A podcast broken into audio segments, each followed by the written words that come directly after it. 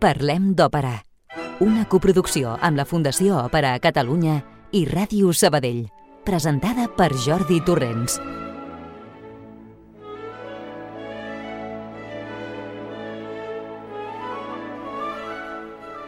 Bona nit per tothom. De nou amb tots vosaltres per passar una estoneta junts, per parlar d'òpera, tot escoltant música i explicant històries interessants. Estem ja a mitjans de gener, el primer mes d'aquest nou any de 2024, passant fred, que és el que toca, no? I també hem vist alguna plogeta, però totalment insuficient. La veritat és que el que ens està passant és molt greu sembla que la pluja s'hagi oblidat de nosaltres. No ens podem permetre aquesta situació, una veritable emergència, perquè vivim en una zona molt poblada, no som al mig d'un desert, i si seguim així aviat no tindrem aigua. Molt trist. Però anem a parlar d'òpera, si us sembla. Programa número 550, 18 de gener, dia de Santa Prisca. Rocío García, el control de so i qui us parla, Jordi Torrents, us donem una cordial benvinguda.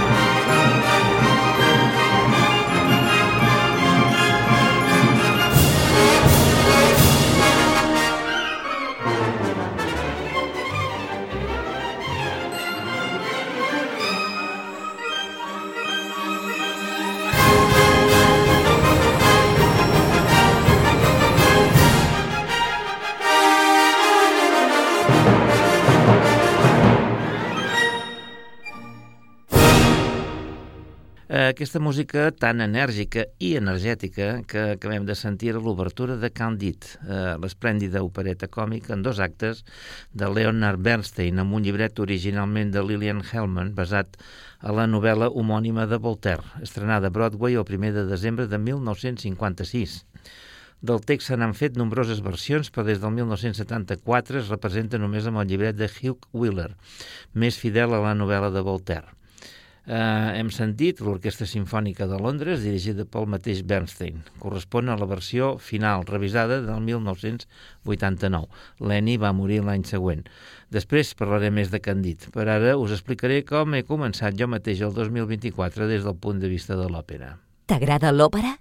En parlem a Ràdio Sabadell. El primer que he vist ha estat una Madama Butterfly el dia 11 de gener.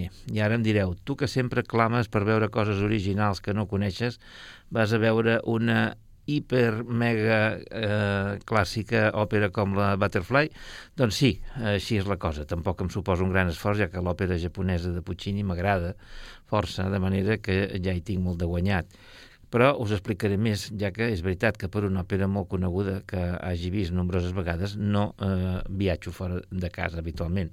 En aquest cas ho he fet, perquè la Butterfly la vaig veure en el Palacio de Festivals de Cantàbria de la ciutat de Santander i és que la Fundació Òpera Catalunya ha visitat aquella ciutat del nord d'Espanya amb la seva producció de Madama Butterfly, que varen veure per darrera vegada ara fa un any, dues funcions els dies 11 i 12.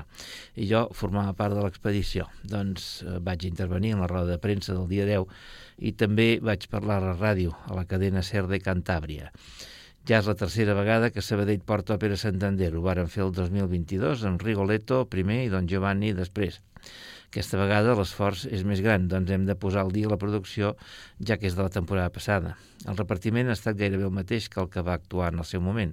Carmen Solís ha estat Xiocho San, Sabadell varen veure la Tina Gorina, per això. Enrique Ferrer havia de fer Pinkerton, però una inoportuna gripa ens va obligar a substituir-lo darrera hora per Vicenç Esteve. Carles Daza, Sharpless, qui fou Manel Esteve, Anna Tovella Suzuki, eh, Jorge Juan Morata Goro, Cristòfol Romaguera i Amadori, aquí fou eh, Joan García Gomà, Juan Carlos Esteve Lozio Bonzo, eh, Laura Obradors, Kate Pinkerton i Alejandro Celletti, el comissari imperiale. Director d'escena Carles Ortiz, de maçonografia de Jordi Galobar, i la direcció musical en aquesta ocasió ha anat a càrrec del director musical de la FOC, Daniel Gil de Tejada. Aquí fou Sergi Roca qui va dirigir. L'estrena fou tot un èxit en un palacio de festivals de Cantàbria ple fins a la bandera i penseu que és una sala enorme d'unes 1.500 places. I ara sentirem un fragment de Madame Butterfly de l'acte primer, Dovunque al Mondo, amb Josep Carreras Pinkerton, Joan Pons, Sharpless i la Filharmonia Orquestra dirigida per Giuseppe Sinopoli.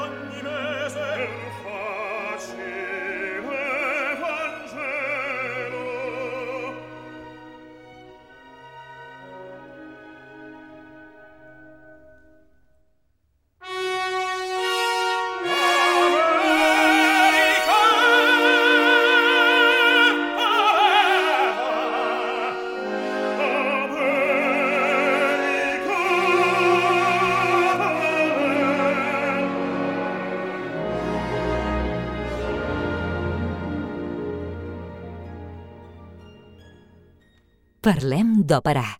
El Liceu, el plat fort d'aquest mes de gener, és la reposició de la històrica producció de Carmen feta per Calixto Vieito, que ja ha complert 25 anys, havent estat estrenada per Alada ja fa un quart de segle, 1999. El Liceu, coproductor, s'ha vist en diverses ocasions i un cop més puja escena. Com sabeu, la polèmica acompanya sempre les òperes que són reinterpretades pel famós registre de Miranda d'Ebro i aquesta Carmen no ha estat pas una excepció. Jo, que n'he vist unes quantes de les produccions de Vieito, penso que aquesta eh, de l'obra mestra de Bizet és probablement la millor que ha fet. Diguin el que diguin els puristes i autoproclamats guardians de les essències. Carmen és una de les òperes que permet un ajornamiento sense que grinyoli en excés, ja que, per desgràcia, la història que explica, la de la violència masclista contra les dones i la maté perquè era mia, segueix vigent encara el 2024. I si no, mireu les estadístiques de dones assassinades pels mascles alfa, encara que ho vulguin negar uns quants poca vergonyes. Tornem a Carmen. La veritat és que no volia anar-hi, bàsicament per saturació amb aquesta òpera, que es fa tant, però n'he sentit a parlar també del primer repartiment, que al final m'he decidit anar-hi el dia 17. O sigui que no puc dir res perquè aquesta data, com tantes vegades, queda entre el dia d'enregistrament i el dia d'emissió del programa. M'interessa sobretot sentir Michael Spires, un dels tenors que més m'agrada de l'actualitat, fent de Don José. Clementine Marguén és Carmen, Adriana González Micaela i Simón Orfila és Camillo. Molt bons també els secundaris, on hi trobem noms molt nostrats, com ara Laura Vila, Mercedes, Carles Cosías, Remendado i Jan Antem d'Ancairo. Dirigeix l'orquestra el seu titular, Josep Pons. I per il·lustrar musicalment aquest bloc sentim la gran Teresa Berganza cantant la vanera, L'amour est un oiseau rebelle, amb la London Symphony Orchestra i Claudio Bado dirigint.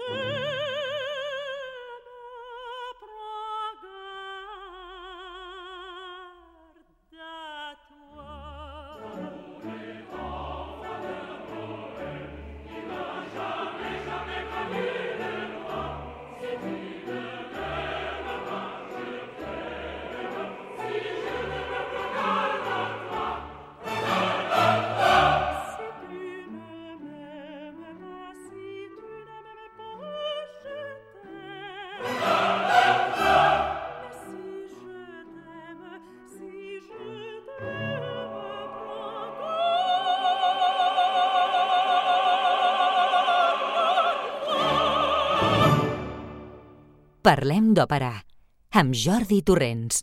I ara sí, eh, ara reprenem el tema de Candid de Leonard Bernstein. Aquesta opereta no és que es faci molt, però sí que de tant en tant visita algun escenari. Quan el 2018 es va commemorar el centenari del naixement de l'autor, nascut a Lawrence, Massachusetts, el 25 d'agost de 1918, el Liceu va programar un parell de funcions en versió de concert, faltaria més, oi? Eh, de veritat que això de les versions de concert ha esdevingut una veritable plaga avui en dia. Bé, sigui com sigui, jo no hi vaig poder anar perquè estava de viatge per la feina, que jo havia de viatjar molt per feina en aquella època. De manera que tinc pendent el dit amb moltes ganes de veure'l, representat a poder ser, i ara finalment en tindré l'oportunitat.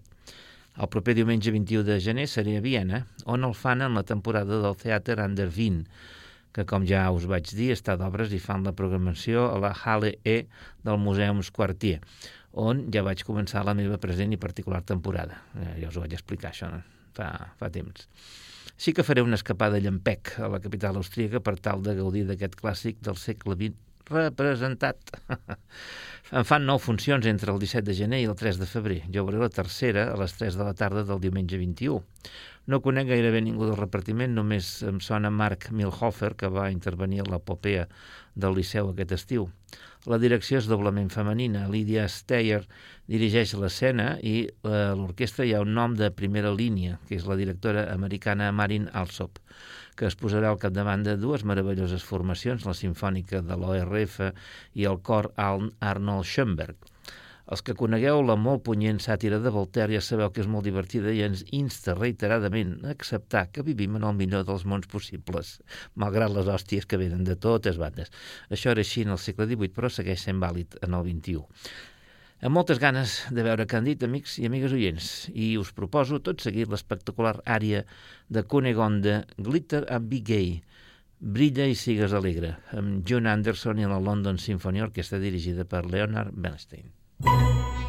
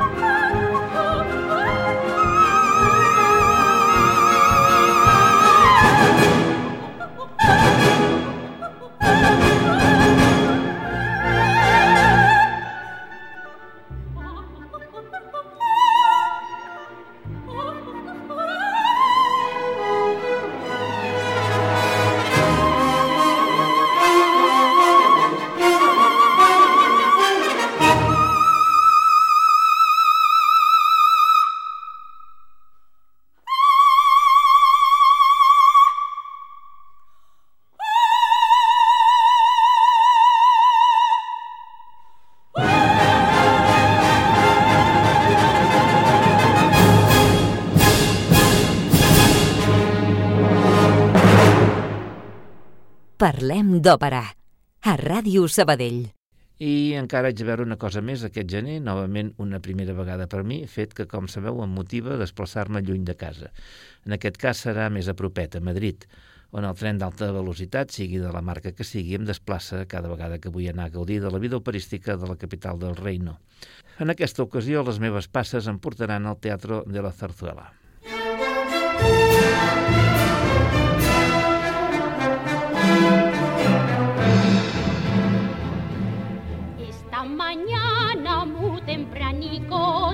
del pueblo con el látigo y como entonces la aurora venía yo la recibía cantando como un pajarico. Esta mañana muy tempranito Por los carriles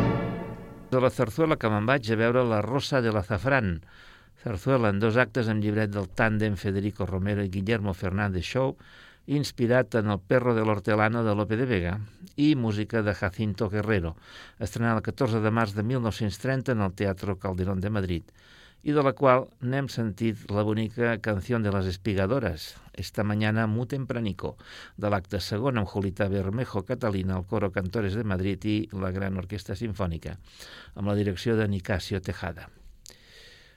El Teatre Madrileny proposa una nova producció de La Rosa de l'Azafrán amb 14 funcions des del 25 de gener fins a l'11 de febrer. Jo aniré a la tercera, el dissabte 27 a les 8 del vespre. La direcció musical va a càrrec de José María Moreno i l'escènica d'Ignacio García. Hi ha dos repartiments i el que jo veuré serà el següent. Yolanda Ullanet, Sagrario. Juan Jesús Rodríguez, Juan Pedro. Carolina Moncada, Catalina. Ángel Ruiz, Moniquito. Vicky Peña, Custodia. Juan Carlos Talavera, Carracuca. Mario Gas, Don Generoso, Pep Molina, Miguel, i Emilio Gavira, Micael. Com probablement sabeu, aquesta és una sarsuela ambientada a la Manxa, en una finca on es fa la collita del safrà, la valuosa espècie que tant costa de recol·lectar a partir de la rosa, rosa del safrà, una flor, la fragilitat de la qual és comprada amb la de l'amor, sent el tema central l'amor entre dues persones de classes socials molt diferents, Sagrario, la senyora de les terres, i Juan Pedro, un treballador del camp. La veritat és que tinc moltes ganes d'anar-hi i aquesta serà la primera d'una colla de visites que faré a aquest entranyable teatre madrileny, propietat de l'Estat, durant els primers mesos de 2024. I ara en sentirem un altre fragment, la Jota castellana Bisturí, bisturí, se quería casar, amb el gran Manuel Ausensi, Juan Pedro, la no menys gran Teresa Berganza Sagrario, el Coro Cantores de Madrid i la Gran Orquestra Sinfònica, tots sota la batuta de Nicasio Tejada. Bisturí,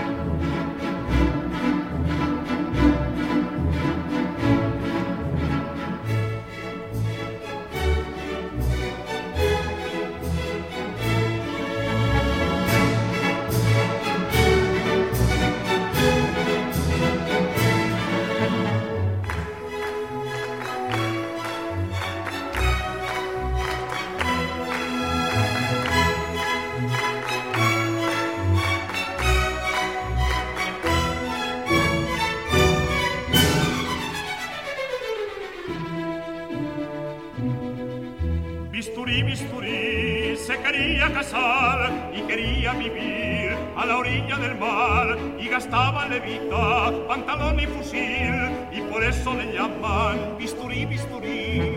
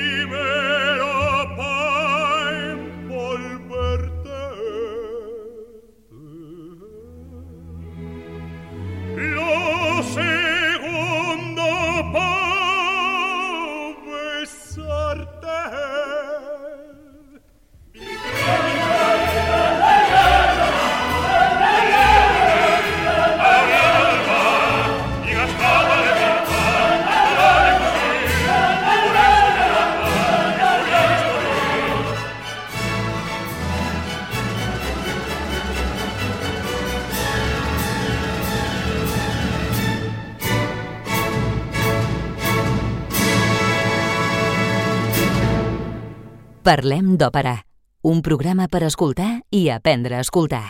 El dia 11 el Liceu va proposar un recital a piano amb dos grans noms de l'actualitat, la soprano noruega Lise Davidsen i el tenor britànic Freddy De Tomaso.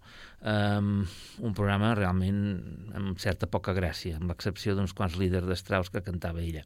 Imagineu-vos que acabaven cantant duets de la Viuda Alegre, que no és una obra gens adequada per cap, de, d'ells i tot plegat a piano. Mm, honestament, a mi aquests recitals no m'agraden. Per mi és malgastar temps i esforços.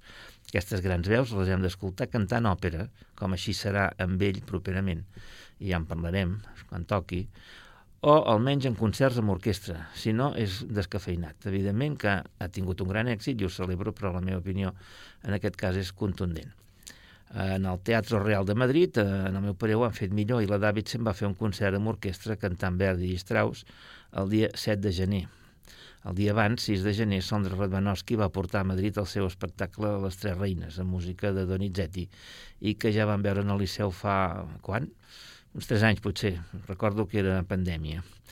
Doncs bé, sentim ara Lise Davidson cantant el lit Cecília de Richard Strauss, un dels que ha cantat en el Liceu, però amb orquestra, que és la Filharmonia Orquestra dirigida per S.P. Salonen. Cecília, lit opus 27, número 2 de Richard Strauss, amb lletra de Heinrich Hart.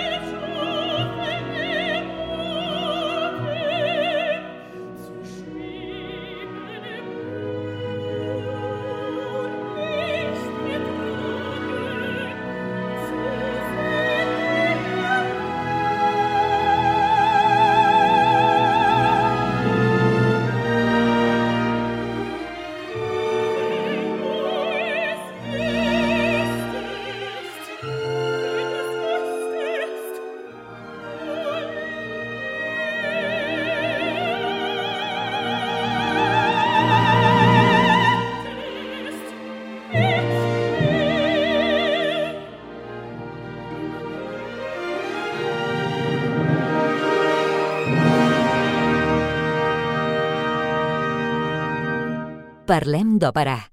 A Ràdio Sabadell. Per comentar també una mica l'activitat del Real, he vist que han fet ja des del desembre unes funcions de Amal and the Night Visitors, la famosa òpera curta de Giancarlo Menotti sobre l'arribada dels tres reis mags d'Orient a Betlem, obra específicament creada per ser estrenada a la televisió l'any 1951.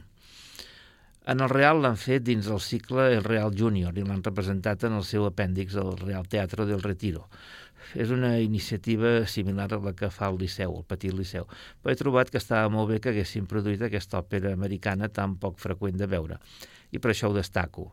I ara en sentirem un fragment, Don't Cry Mother Dear, amb Ike Hawker-Smith, eh, Amal i Kirsten Gunlockson, la mare. L'orquestra és la Nashville Symphony Orchestra i el director Alastair Willis. Don't cry, mother dear. go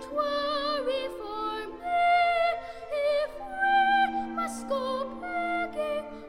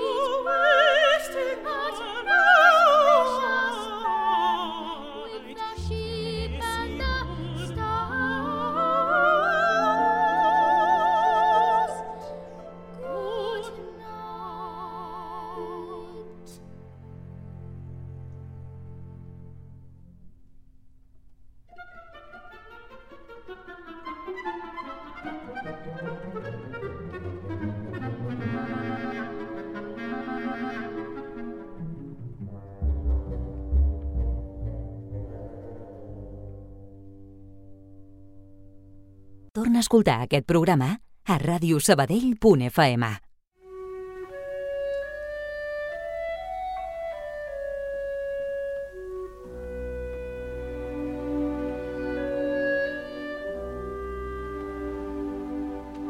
I abans no s'acabi el mes de gener, us hem de presentar els personatges corresponents, oi que sí?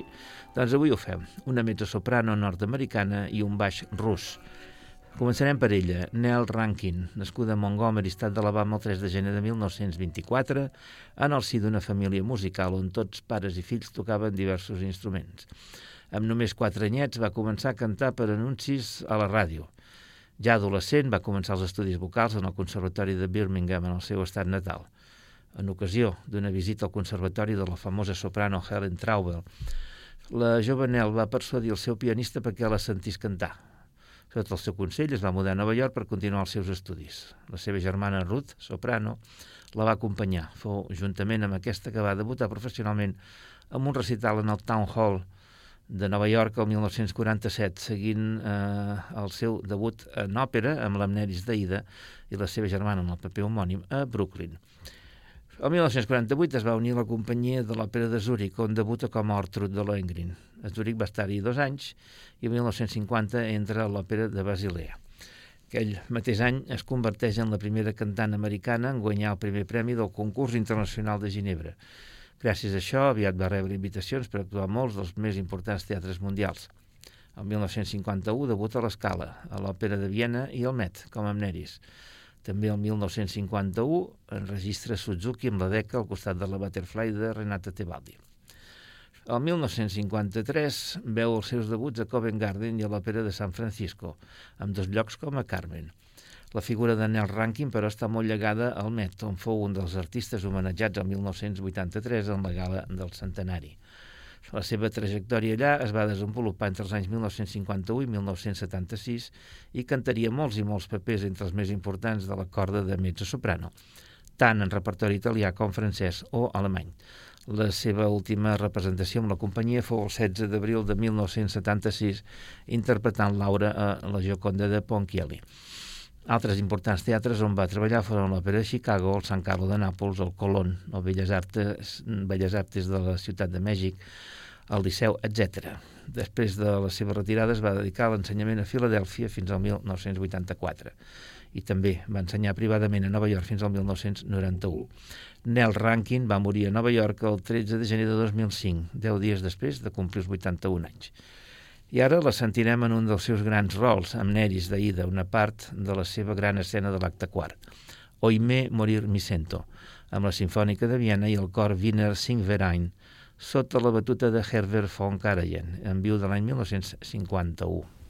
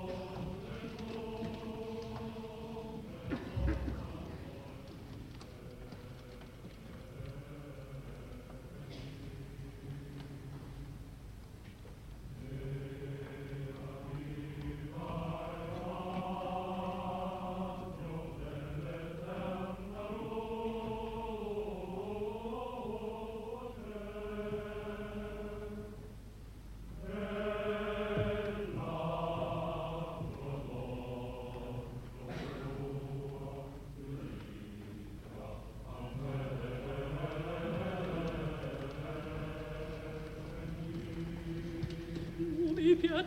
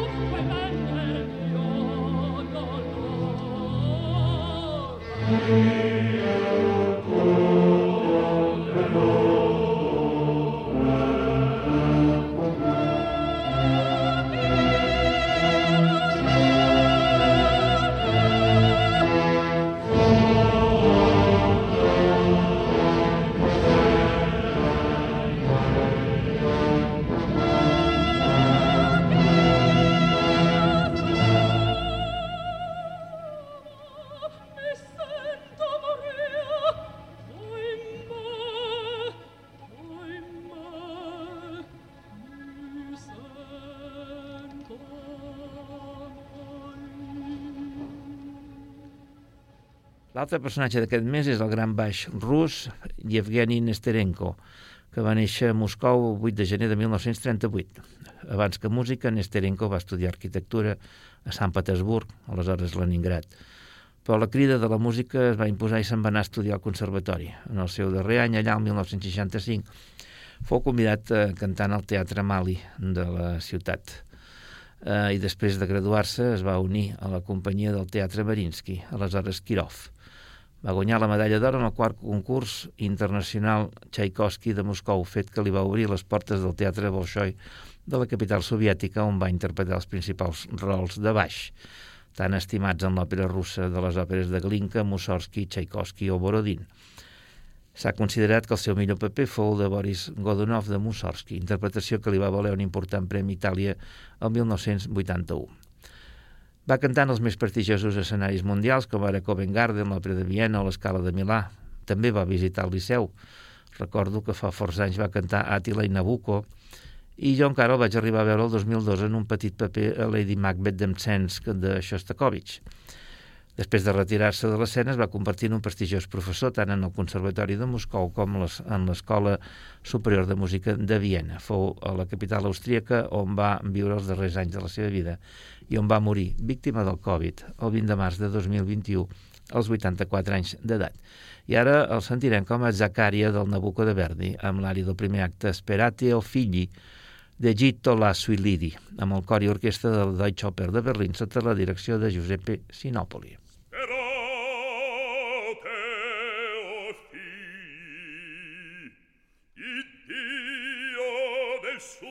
poter di essere.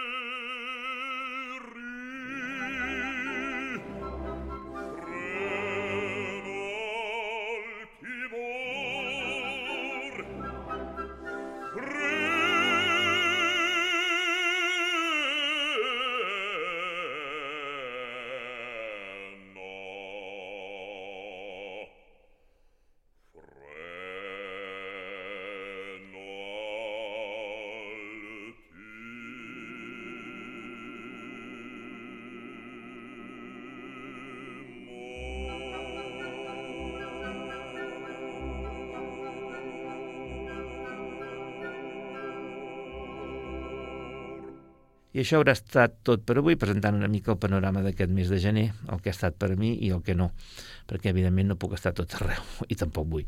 Us espero la setmana vinent amb un nou programa. Adéu-siau i fins dijous que ve. Contacta amb nosaltres. Òpera arroba radiosabadell.fm